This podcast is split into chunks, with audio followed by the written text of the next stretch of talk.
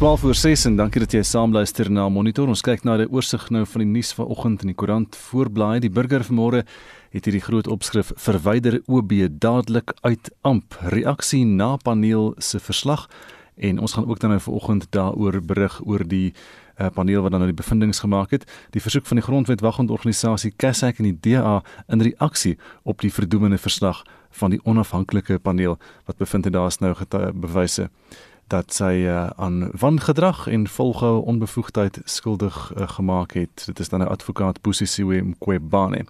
Ook 'n berig op die burger se voorblad vanmôre duisende leerdlinge soek nog plek en hulde na atleet en fliekman se dood.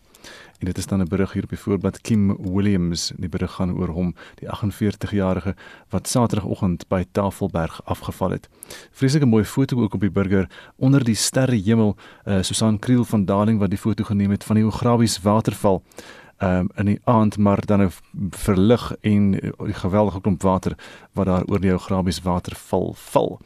Beeld se voorblad vanmôre stank in Gauteng nie Sasol nie. Departement krap nog kop ander bronne nou ook ondersoek. En dit is dan nou die berig oor die eh, swaalreuk wat so oor Gauteng gehang het. Al was die chemiese inhoud van die lug 45 keer meer as die veilige norm, weet hulle nog steeds nie waar daai vrot klankie uh, so wat 10 dae gelede vandaan gekom het nie. Ook 'n berig op beeld vanmôre voortrekker monument bly gaan lê, maar die groot ou granietkolos wat in 'n natuurreservaat in Pretoria lê, gaan nie maklik lê nie, sê Cecilia Creer, die besturende direkteur uh, oor die monument en al die besonderhede uh, in die berig daar. Daar word 'n groot erns oor alternatiewe bestuursmodelle vir hierdie monument nou gekookus. Angie verheug oor ooreenkomste wat duur skooldrag keer. Dit is die minister van gesondheid en dis die storie oor die skooluniform staan uh, op beeld se voorblad vanmôre Volksblad se digitale voorblad en ook die storie oor die uh, openbare beskermer en Senekal oproer Pinaar sielkundig waargeneem En dit is dan nou daai hele storie oor die oproer by die Landdroshof in Senekal verlede jaar. Ook 'n baie mooi foto hier. Paradys na reën bring nuwe sorge. Die Vrystaat is 'n lushof na een van die beste reenseisoene in dekades. Internasionaal op bbc.com. Amerika word gewaarsku van 'n potensiële vierde vlaag van COVID-19. En uh, dit is net so vinnige oorsig dan oor vanoggend se nuus. Die Automobielassosiasie, oftewel die AA, voorspel 'n derde skerp stygings in die brandstofprys. Ons wil vanoggend by jou weet, hoe beïnvloed daai brandstofprys jou daaglikse aktiwiteite en hoe pas jy jou leefstyl daarbey aan? Sê sommer vir ons as jy wenke vir ons het ons probeer almal geld spaar. Het jy maniere gevind om brandstof te bespaar? Stuur 'n SMS na 45889. Dit kos R1.50 of of gaan na facebook.com vorentoe skynstreep ZRSG of WhatsApp vir ons stemnota na 076 536 6961 076 536 6961 Die gesinne wat hulle geliefdes verloor het tydens 'n verbyry skietery by Beacon Valley in Mitchells Plain op die Kaapse vlakte, sukkel steeds om die pyn te verwerk. Twee tieners is verlede donderdag doodgeskiet met nog 3 wat gewond is. Justin Kennerly berig. Die 13-jarige Tamir Mitchell was 'n graad 8 leerder by die Hill Hoërskool. Sy ouma, Janet Swart, sê hy was 'n liefdevolle kind. Ek is baie ontstel, ek is baie hartseer wat hulle aan hom gedoen het van hy se gangster is kindie. Hy's altyd in die huis, hulle speel sokker elke dag en hy's nou vir die eerste keer op graad 8 en wat hulle aan hom gedoen het is onspraakbaar. Ek weet ek kan dit nie meer verduidelik. Hoekom hulle vir hom so en so wreed doodgeskiet het. Ek kan dit nie vat nie. Dit is dit is baie seer. Die 18-jarige Morgan Minnick is ook tydens die aanval doodgeskiet. Die gesin van die graad 12 leerder was te getraumatiseerd om met die media te praat. Die Wes-Kaapse minister van gemeenskapsveiligheid, Albert Fritz, sê meer polisiebeamptes moet nou na Mitchellsplein ontplooi word. Hy het die gesinne vroeër besoek om medelee te betoon. Fritz sê die provinsie se plan vir misdaadbestryding moet verbeter word. Ons het vanoggend gekom om die Mitchells gesin net buite kom staan en ons medelee met hulle te begelei. Ons voel regtig ook met die gesin, 'n kind van 13 wat net hoërskool begin het, dat hy die teken of dat hulle die slagoffers is van bendes wat veg. Ons moet bendes aanspreek en as die tyd is nou om hulle aan te spreek. En dan kyk ons ook met verbystand tot die gesin vir die begrafnis wat Saterdag plaasvind. Ek kom na die begrafnis en dan al die praktiese goed wat ons kan bystaan, maar die hoofsaak ding was om net die Mitchell familie by te staan in die tyd in 'n moeilike tyd vir hulle. In 'n onverwante voorval die naweek is twee polisiebeamptes in Kraaifontein doodgeskiet en twee ander ernstig beseer. Die polisie sê die 45-jarige Susant Welcome Ndoko en die 28-jarige konstabel Mninawa Breakfast is Sondag in die vroeë oggendure in Bloekombos in 'n lokval gelei. Hul vier wapens is ook gesteel. 'n Polisiewoordvoerder, Brigadier Novella Potelwa, sê onwettige vuurwapens is al in 'n aantal ernstige geweldsmisdade gebruik. The police in the Western Cape have intensified efforts to tackle illegal firearms through targeted operations. In the past week, 30 firearms and ammunition were seized in various operations executed by the police throughout the province. 'n 32-jarige verdagte is intussen in hegtenis geneem in verband met die twee moorde en sal na verwagting binnekort in die Landdroshof in Bloedowns verskyn. Hierdie verslag deur Chris Mabuya in Kaapstad en ek is Justin Kennerly vir SI Garnis. 'n Nuwe wet wat 'n grondhof tot stand gaan bring, gaan aan die parlement voorgelê word. Die grondhof sal bereg oor alle grondsake met bykomende verantwoordelikhede soos bemiddeling. Die minister van Justisie en Korrektiewe Dienste, Ronald Lamola, sê die voorgestelde wetsontwerp is die resultaat van werk wat deur die interministeriële komitee oor grondhervorming gedoen is. Adjunk president David Mabuza was die voorsitter van die komitee. Lila Magnus het die besonderhede. Die voorgestelde grondhof sal 'n permanente regter-president hê met 4 voorsittende regters. Dit sal hoorsê getuienis toelaat en die hof sal moet seker maak dat alle ooreenkomste billik en regverdig is en dat vergoeding in lyn met artikel 25 van die grondwet geskied. Die hof sal ook dispute wat voortspruit uit die nuwe wet op onteiening sonder vergoeding hanteer. Die minister van Justisie en Korrektiewe Dienste, Ronald Lamola, sê mense wat nie hul eie regshulp kan bekostig nie, sal by die regshulpraad vir hulp kan aansoek doen. Grondaktiviste sal mense ook in die hof kan bystaan. So this bill allow land activists like um, akin to trade unions uh, representing their members in the CCMA in the labor courts or the labor appeals court So it is almost geared the same way as the CCMA kind of approach and the Labour Appeals Court.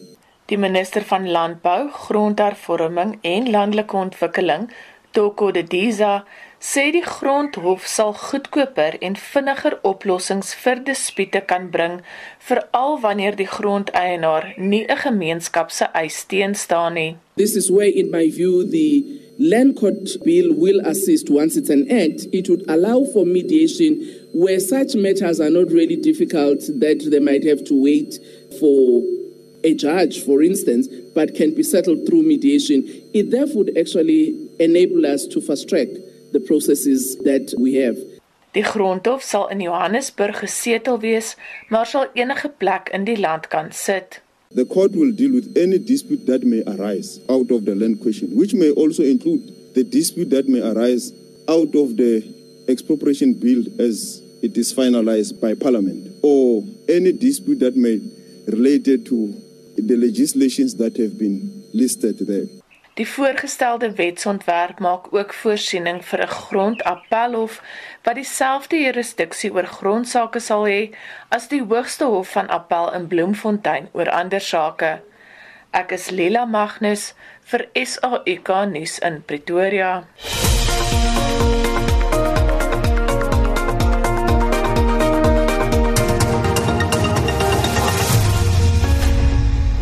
Nou na een van ons hoofstories van die oggend, die onafhanklike paneel wat deur die spreker van die nasionale vergadering, Tandi Modise, aangestel is, het bevind dat daar prima facie bewyse is om die openbare beskermer, advokaat Busisiwe Mqwebane, uit haar pos te verwyder. Die paneel bestaan uit die voorsitter, regter Besten Kabinde, en advokate Johan de Waal en Dumisan Sebesa. Die DA het 'n mosie in die parlement gebring oor Mqwebane se geskiktheid na aanleiding van verskeie verdoemende hofbevindings teen haar, Zelin Merrington berig. Die woordvoerder van die parlement, Moloto Motapo, verduidelik die bevindinge van die paneel. In its findings, the panel concluded that there is substantial information that constitute prima facie evidence of incompetence, and examples of this included the prima facie evidence demonstrating the public protector's overreach and exceeding of the bounds of her powers in terms of the Constitution and the Public Protector Act, as well as repeated errors of the same kind, such as incorrect interpretation of the law and other patent legal errors. The panel also found that there is sufficient information that constitute prima facie evidence of misconduct, and this included the public protector's failure to reveal that she had meetings with the former president of the republic and the state security agency, and failure to honor an agreement with the South African Reserve Bank, thereby displaying non-compliance with the high standard of professional ethics as required by the constitution. Die DA hoofsweep Natasha Matsoni het die bevindinge verwelkom. The Democratic Alliance welcomes the finding by the independent review panel that there is a prima facie case for Parliament to institute removal proceedings against the public protector advocate Mkhwebane. We are pleased by these findings and urge Parliament to institute the removal proceedings against Mkhwebane without delay. Sommige van die ander politieke partye in die parlement, soos ACDP LP Steve Swart, Naren Singh van die IFP en Wouter Wessels van die Vryheidsfront Plus, het ook gereageer. The courts have made a number of damning findings against the public protector where her fitness to hold office has been brought into question. The ACDP urges Parliament to institute the necessary proceedings in this regard without any further delay. Reading the report, uh, I want to, as a, on behalf of the IFP, compliment the judge and the other two legal panelists for having provided a very, very comprehensive uh, report and findings. And uh, we look forward to debating this report in the National Assembly.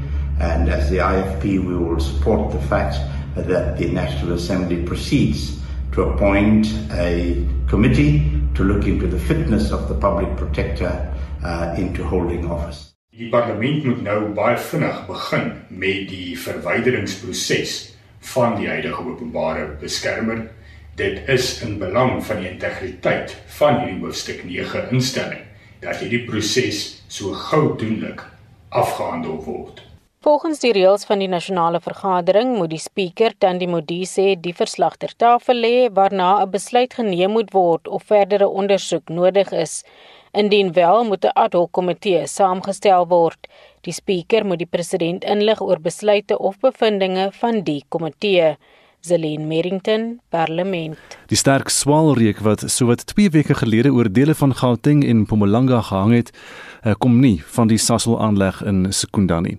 Die departement van omgewingsake, bosbou en visserye het 'n ondersoek na die lugbesoedeling begin nadat verskeie klagtes ontvang is van inwoners in die twee provinsies.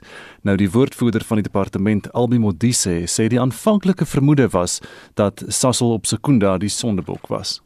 Well, the department, together with the Kharsiban, the district municipality in Bumalanga, visited the Sasol Secunda plant to check on operations which were believed to be the possible source of the sulfur stench that was experienced in the Gauteng and Bumalanga provinces. During the inspection, it was found that the release of sulfur dioxide and hydrogen sulfide from the plant were within the approved atmospheric emission license limits which were issued to the plant. At this stage, the department, together with the municipality, cannot say definitively what the major sources of the air pollution was. The department and the municipality suspect that the stench might have been experienced over that was experienced in the part of Gauteng was maybe largely as a result of cumulative impact from a number of sources in the surrounding areas. The department is continuing with its investigation and will ensure that uh, once we are able to or have been able to ascertain what the source was, will be able to share with South Africans that particular finding. Modisi sê die weer kon ook 'n rol gespeel het in die lugbesoedeling. There are also possibilities of how you know the weather at that time might have had an impact in terms of how you know we we've ultimately experienced the sulfur dioxide in the region. Die stem daarvan Albi Modise, die woordvoerder van die departement van omgewingsake, bosbou en visserye en uh, Susan Paxton daar het die verslag saamgestel. Nou so 25 minute voor 7 en Shaun Jooste het die jongste sportnuus. Ons fokus vanoggend op van die jongste ranglyste en puntelere en begin met rugby. Na die naweek se 6 nasies toetse is Wallis die nuwe voorlopers op 14 punte na 3 rondes. Frankryk staan nog op 9 punte nadat hulle kragmeting teen Skotland uitgestel is. En Ierland het nou 7 punte en is derde. Op wêreld rugby se jongste ranglys bly Suid-Afrika en Nieu-Seeland eerste en tweede terwyl Frankryk hulle plek in die top 3 inneem. Op Australië se plaaslike super rugby punteleer is die Brumbies die voorlopers op 9 punte. Die Reds is tweede ook op 9 en die Rebels derde op 1 punt. In die Nieu-Seelandse plaaslike Super Rugby reeks staan die Blues en Crusaders op 4 punte elk na die eerste ronde. Die res van die spanne het nog geen punte nie. In die tenniswêreld bly verlede week se top 3 manspelers, Novak Djokovic van Servië, Rafael Nadal van Spanje en Daniel Medvedev van Rusland onveranderd. Suid-Afrika se Lloyd Harris en Kevin Anderson val met twee plekke na 84ste en 88ste onderskeidelik. Ryan Klassen bly 19de op die dubbelspel ranglys. Daar is ook geen verandering onder die top 3 vroue nie. Hulle is Ashley Barty van Australië, Naomi Osaka van Japan en Simona Halep van Roemenië. Sokker. Mamelodi Sundowns is die voorlopers in die DStv Premier Liga op 36 punte. SuperSport United is tweede op 33, Morocco Swallows derde op 30 en Orlando Pirates vierde op 29 punte. Die top 4 span op die Engelse Premier Liga punteleer is Manchester City op 62, Manchester United op 50, Leicester City op 49 en West Ham United op 45 punte. Atletico Madrid is die voorlopers in Spanje op 58 punte, Barcelona is tweede op 53 en Real Madrid derde ook op 53 punte. In Italië is Inter Milan op 56, AC Milan op 52 en Juventus op 46 punte, eerste, tweede en derde. Die top 3 spanne in Duitsland is Bayern München op 52, RB Leipzig op 50 en Wolfsburg op 45 punte. In die top 3 in Frankryk is Lille op 59, Paris Saint-Germain op 57 en Lyon op 56 punte. In die Afrika Kampioenligga is Mamelodi Sundowns die voorlopers in Groep B op 6 punte en Kaizer Chiefs is derde in Groep C op 1 punt. In die golfwêreld bou die Amerikaner Dustin Johnson sy eerste plek op die jongste mansranglys. Die Spanjaard Gon Ram is steeds tweede met die Amerikaner Justin Thomas ook steeds derde. Suid-Afrika se Louis Oosthuizen klim met 4 plekke na 22ste. Christian Besaidnout sak met 1 plek terug na 37ste en Erik van Rooyen bly 63ste. Op die vroue ranglys bekleed Jin Young Ko en Se Young Kim van Suid-Korea en die Amerikaner Nelly Korda die top 3 plekke. Suid-Afrika se Ashley Buy spring met 5 plekke na 65ste. In laastens in die fietsry wêreld bly Primož Roglič van Slovenië die voorste mansryer met sy landsgenoot Tadej Pogačar tweede en Wout van Aert van België derde. Suid-Afrika se Darryl Impey is 190ste. Shaun Schuster, SAK Sport.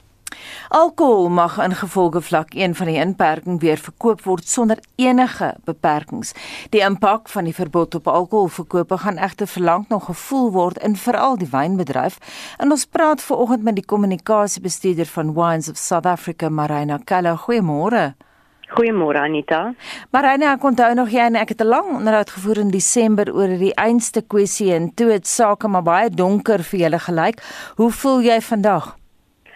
Anita, ons is uh, baie bly dat alles norma kan normaliseer na 'n baie moeilike tyd vir ons bedryf. Uh hoewel ons in uh Februarie, in die begin van Februarie is ons toegelaat om ten minste ons wynplase oop te hou oor naweke, het dit natuurlik uh in die Boeland uh nie regtig enige impak gehad nie. Ehm um, en die verkope was maar uh, was maar beperk.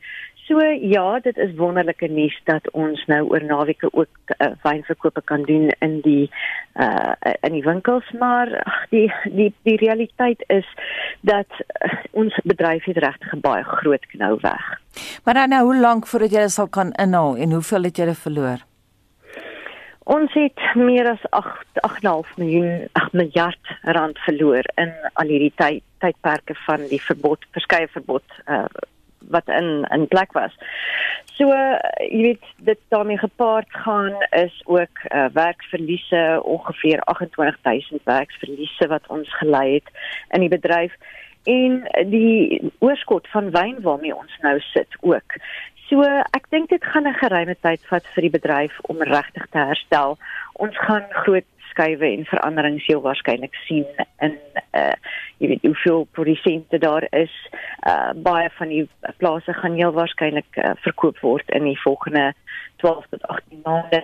Um en ek dink ons weet eintlik op hierdie stadium nog nie of ons regtig uit die donkerte is nie, uit die knel uit is nie want uh, wie weet as daar wel 'n uh, derde vlaag van die virus kom uh sê maar in Mei, einde Mei dan gaan die regering ons dalk weer toesluit mm. en dan wat? Wat die die feit bly staan ons weet nie wat vir ons voorlê nie. Ons weet nie of ons regtig die stukkies kan begin optel en herstel uh, aan aan ons bedryf nie want ons weet nie wat voorlê vir ons nie. Wat van wynuitvoere? Wat gaan nou gebeur? Wynuitvoere uh, is eintlik net verlede jaar vir 5 weke beperk gewees So wynuitvoere gaan nog voort soos normaal. Maar die realiteit is dat as jy kyk in uh ons tradisionele markte is baie van die restaurante is nog toe in veral Europese markte en baie van die wyn wat ons uitgevoer het, het tradisioneel na hierdie restaurante uh gegaan. So dit is eintlik maar net in die supermarkte wat wyn verkoop en dit is op 'n baie ander pryspunt ook. Ehm um, so hoewel uitvoere mag voortgaan en ons het uh, uh ons uitvoersyfers van 2020 was uh te vergelyke met 2019 op so 320 miljoen uh liter wyn is die realiteit dat um, kon soveel beter gewees het. Ehm um, maar dit is 'n globale impak wat hierdie pandemie gehad het op op op, op almal. Dis nie net ons wat in 'n penarie gesit het nie in hierdie opsig nie, maar uh ons situasie is net soveel vererger deur die verbod wat ingestel is op die verkoop van alkohol. Maar Reina, daar was nou verlede jaar probleme gewees met die betaling van aksiesbelasting. Is dit nou steeds die geval? Ja, dit is ongelukkig steeds die geval. Ehm um, ons ons boere het net nie kontantvloei gehad vir soveel maande nie. Ehm um, daarbey gevoeg in uh, verlede week se se budgetgesprek is ons aksies met 'n verdere 8% verhoog. En die realiteit hiervan is, jy weet hoe hoewel mense sê ag wel sit nie die pryse op van die idee daarmee is dat mense dan minder alkohol sal koop en dan minder probleme sal wees. Dit gebeur nie in die realiteit so nie. In die realiteit is dit maar die wynboer wat daardie uh, bedrag moet absorbeer op een of ander manier. Ons kan nie net aanhou om pryse op te stoot nie want ons moet nog besighede uh, bestuur. Ons moet nog verkope doen om uh, ons kop op water te hou. So daar was regtig groot teleurstelling geweest. Ons as bedryf het uh, regtig deurgeen gemaan om uh, laer as inflasie aksiesverhogings uh, toe te hê. En uh, ja, dit het klaar blyklik op dowe ore geval. Maar dit is nou baie moeilik om nou langtermynplanne te maak soos wat jy tereg gesê het. Miskien na Mei sit ons weer met 'n baie groot inperkinge vlak 4 of wat ook al afhangend van wat die virus gaan doen. Jy het ook verwys Marina na die feit dat was 28000 werksverliese. Dit is seker moeilik om nou al te begin om mense heraan te stel as mens nie weet wat gaan gebeur nie. Absoluut. Ek dink almal hou maar so 'n bietjie vas en en probeer kyk waar hulle geld kan bespaar op hierdie stadium. Ehm um, definitief as jy kyk op die oomblik is ons besig met ons met ons oes en baie van die seisonale werkers wat in hierdie tyd aangestel sou word, uh word nie aangestel nie. Uh en dit ook natuurlik as gevolg van die oorskot wat daar is. Ehm um, So ek dink dit gaan baie moeilik wees om regtig vas te stel wanneer ons bedryf weer kan ordentlik opstaan na hierdie situasie en en en en wat die wat die toekoms vir ons inhou. Ons uh, het baie uh gekrimp oor die afgelope 10, 15 jaar in terme van die hoeveelheid minder aanplantings wat ons gehad het en ek kan definitief voorspel dat hierdie verder die geval gaan wees. 'n verdere inkrimping van ons bedryf. Ehm um, wat natuurlik baie jammer is want hierdie is so 'n groot deel van die geskiedenis van ons land. Maar hy nou net laastens word wynproe nou weer toegelaat onder vlak 1. Ja, wynproe is al sedert ehm um, die begin van Februarie uh, toegelaat. So vir die wat in die Wes-Kaap was en wat toegang gehad het tot ons plase, kom beslis wynproe. En dit is 'n baie baie belangrike element vir so baie van ons wynplase. So van ons die Wes-Kaapse luisteraars asseblief om die sekkie wynplase gaan proe wyn en gaan koop wyn so direk van die plase af. Ehm um, die mense uh is is vreeslik afhanklik van daardie plaas deurverkope kelder deurverkope. Ehm um, dit is regtig waar hulle uh baie van die geld maak vir al die kleiner produsente wat nie noodwendig ehm um, beskikbaar is in die groter supermarkte of of of alkoholwinkels nie. So uh, ja, dit is wonderlik. Ons kan nog voortgaan weer probeer asem skep en probeer op die been kom met die hulp van die Suid-Afrikaanse verbruiker. Baie dankie en so sê Marina Kello, sy is kommunikasiebestuurder van Wines of South Africa. 14 minute voor ons kom by 7uur. Baie dankie dat jy saamluister na Monitor vanmôre en Solidariteit se skole ondersteuningsentrum. Sê die regering moet ruimte skep vir die ontwikkeling van 'n digitale strategie vir skole. Daar is op die oomblik min of geen fondse hiervoor beskikbaar gemaak nie en vir meer oor waarom 'n digitale strategie nodig is. Selfs nadat die COVID-19 pandemie verby is, praat ons met die hoof van ontwikkeling by Solidariteit se skole ondersteuningsentrum, Melanie Buys. Melanie, goeiemôre. Goeiemôre Gustav. Wat word bedoel met die digitalisering van skole? Wat word alles ingesluit? Kyk, ek dink dit is ehm um, vir skole wat uit agtergekom internet toegang ehm um, veral in die tyd met die inperkings was baie noodsaaklik om met jou leerders te kan kommunikeer. Maar ons moet besef dit was nie 'n tydelike reëling nie. Die toekoms is net super vers, versnel eintlik deur COVID wat 'n goeie geleentheid vir ons was om te sien wat die moontlikhede is wat wat ehm um, digitale uh, strategie vir skole bied byvoorbeeld dat dat onderwysers voor die tyd vir kinders werk kan gee dat hulle kan voorberei en hulle kennis eintlik deur deur die internet kry. Kennisoordrag is nie meer nodig in die klas nie. Daar's baie ander plekke waar dit meer effektief kan doen ehm um, deur ehm um, aanlyn toegang uh, of 'n digitale strategie kan leerders voor die tyd voorberei en is dit moontlik om in die klas baie meer effektief dan nou probleemoplossing te doen en toepassing en dieper leer eintlik dan nou te doen. So ehm um, die ideaal is natuurlik dat jy met 'n verslegte leermodel ehm um, tegnologie gebruik om baie meer effektief te kan leer.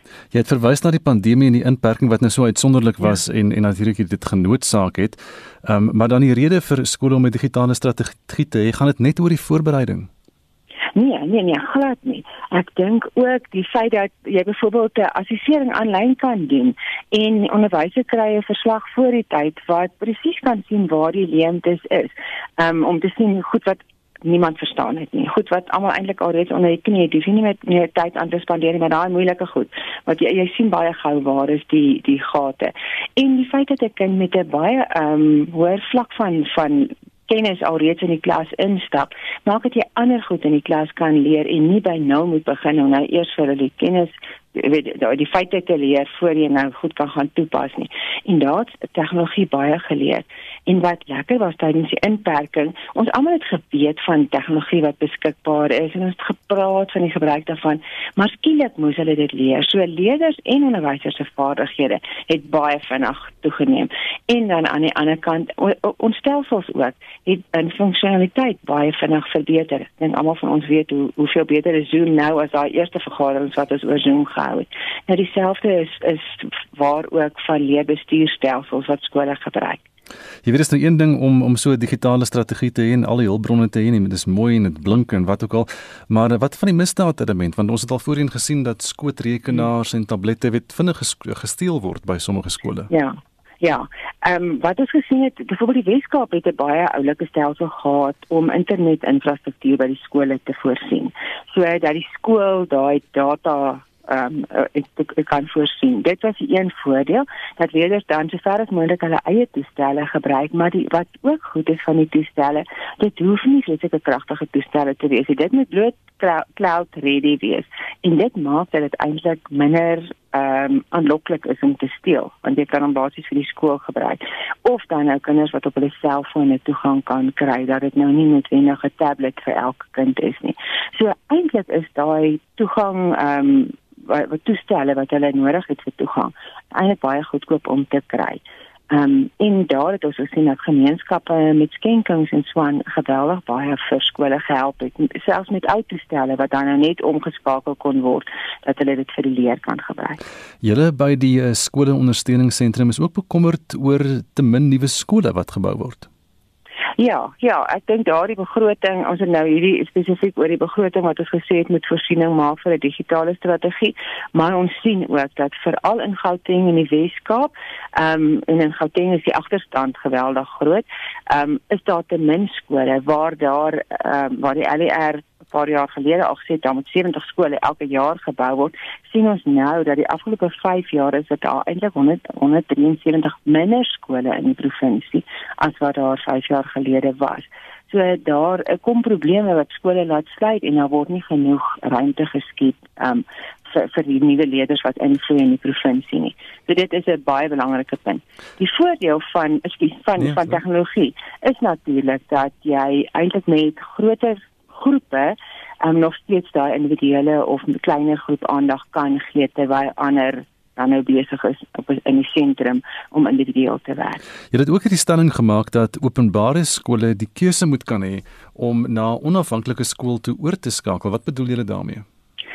Die die ehm um, skolewet maak voorsiening daarvoor dat 'n onafhanklike skool 'n uh, openbare skool kan word, maar nie andersom nie. Terwyl ons dan en daar die Weskaap weer eens die voor voor ehm um, voorbeeld gestel van om skole wat disfunksioneel is, eintlik met 'n uh, public-private enterprises te weet dat jy die publiek betrek of die gemeenskappe betrek um, in die bestuur van daai skole en dat dit baie meer effektief is omdat die, die verantwoordelikheid nou op die skoolvlak is en by die gemeenskap is. Ons het daar gesien dat selfs nou vir skole wat regtig disfunksioneel is, uitstekend nou presteer omdat daar verantwoordelikheid meer by die skool lê en ons sê dit moet daar moet meer ruimte geskep word dat dit kan gebeur.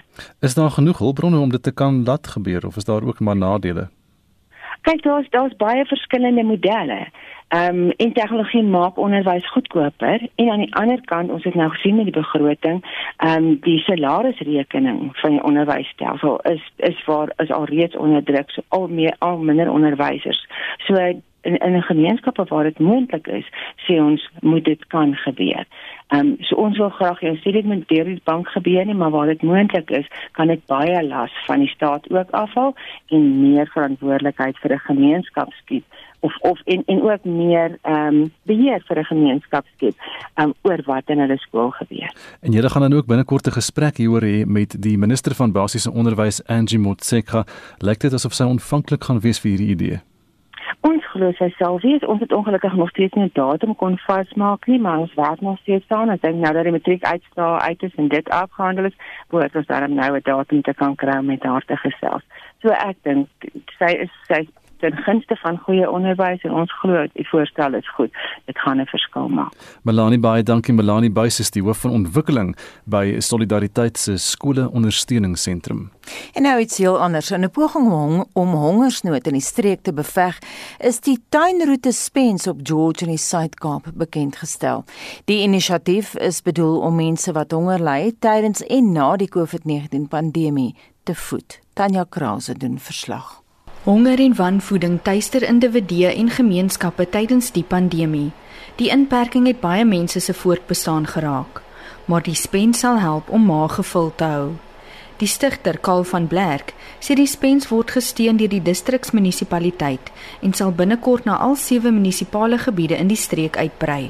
Ons wil net seker maak dat in elke area van die tuinroete gaan dan nie 'n kind of 'n volwasse in die aand bed toe sonder dat hulle kos in hulle maag het nie. So die Gardenwood Food Pantry is in George gestig om dit seker te maak. So van hier af gaan ons die eerste stoor nou in George wat nou klaar oop is en dan gaan ons nou in elkeen van die munisipaliteite van die tuinroete, dis nou George, Nysna, Plettenberg en so voort, hulle eie Gardenwood Food Pantry oopmaak en beheer van die kos na die mense toe uitdien van hier af. Die skenkings en aankope kom van verskeie plaaslike verskaffers, vervaardigers en boere. Die spens sal die middelpunt wees van waar voedselsekuriteit gekoördineer word. Die burgemeester van die Tuinroete distriksmunisipaliteit, Memory Boysen, sê die inisiatief is broodnodig in hierdie moeilike tye. Dit is 'n inisiatief om kos op die tafel te sit as gevolg van die pandemie. Baie mense hulle werke verloor, wat dis beteken daar's 'n tekort aan kos en uh hierdie fasiliteit gaan dan uh vir soveel as moontlik mense kos gee en dit is ook nie net vir George nie, maar ook vir die ander sewe munisipaliteite buite die George omgewing sal dan ook baat vind dit sal hier uitgedistribueer word. Begunstigdes soos pastoor Amos Mohikwa van die House of Grace Ministries in Timbalethu sê hulle kan reeds die omstandighede van die jong en kwesbares verbeter. We started last year when there was a first lockdown to do the soup kitchen and giving food for the people. At sometimes the sources are running dry So now it was a time when I met Carl, and then when we spoke, was very much interested to come and assist us here. We started with the gardens, and then from the gardens, they provided now the the meals for us. Die spens help ook om begunstigdes selfversorgend te maak deur groentetuine te vestig. Ek is Tanya Krause op George. Estie Anita, een van ons luisteraars het raad vir die brandstof wat al duurder raak, so 'n bietjie tong in die kies. Kom ons luister. Om brandstof te bespaar in hierdie moeilike tyd, het ek sommer net my buurman se bakkie geleen en hom leeggery en teruggegee sonder brandstof in te gooi. Dis maar vir my die maklikste en uh die advies wat ek vir almal kan gee wat definitief die beste werk. En Trika van der Linde sê maak maar 'n lys van wat jy benodig wanneer daardie lys vol is, pak dan die tog aan. Edward Stika Mandjie skryf 'n mens moet maar net koop wat jy nodig het en nie wat jy wil hê nie. Dan is Hannes Engelbreg sê ek ek moet leef so ek gaan nie dat duur brandstof my lewe verander nie. You only live once. En Lizzie Webster sê ry minder. Geen plesier ritte nie. Net werk toe en terug. Pieter Schreiber skryf die brandstofverhoging het 'n impak op ons begroting. Die afstande werk toe en terug bly dieselfde maar met elke verhoging word dit duurder. Dis moet jy maar sny aan ander gedeeltes van jou begroting. En Tracy Frauderdorf laat weet die rentekoers verlaag, maar inflasie verdruk Jan Alleman. Hoe hou mens kop bo water met brandstofverhogings, Eskom tariefverhogings en dis meer. En Samuel Walters van Fullfly Dam en Gouda sê brandstof bly Turks 5 want openbare vervoer is ook peperduur. En Willie van Wyk skryf sy raad is ry fiets en die tyd van perde kom terug.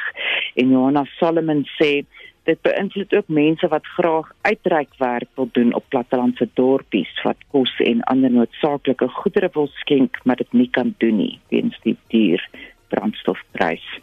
Willie van Wyk o, Willie van Wyk het ons nou gesê en skalk sê hy weet nie hoe dit werk nie want petrol en alles styg saam met die brandstof maar sy salaris bly dieselfde. As jy vir ons wil ehm um, sê wat jou raad is in terme van die duur brandstof, stuur vir ons 'n SMS na 45889. Onthou dit kos R1.50. Gesels saam op ons Facebookblad by facebook.com vorentoe skynstreep ZARSG of WhatsApp vir ons stemnota na 0765366961. En dit bring ons by 7:00.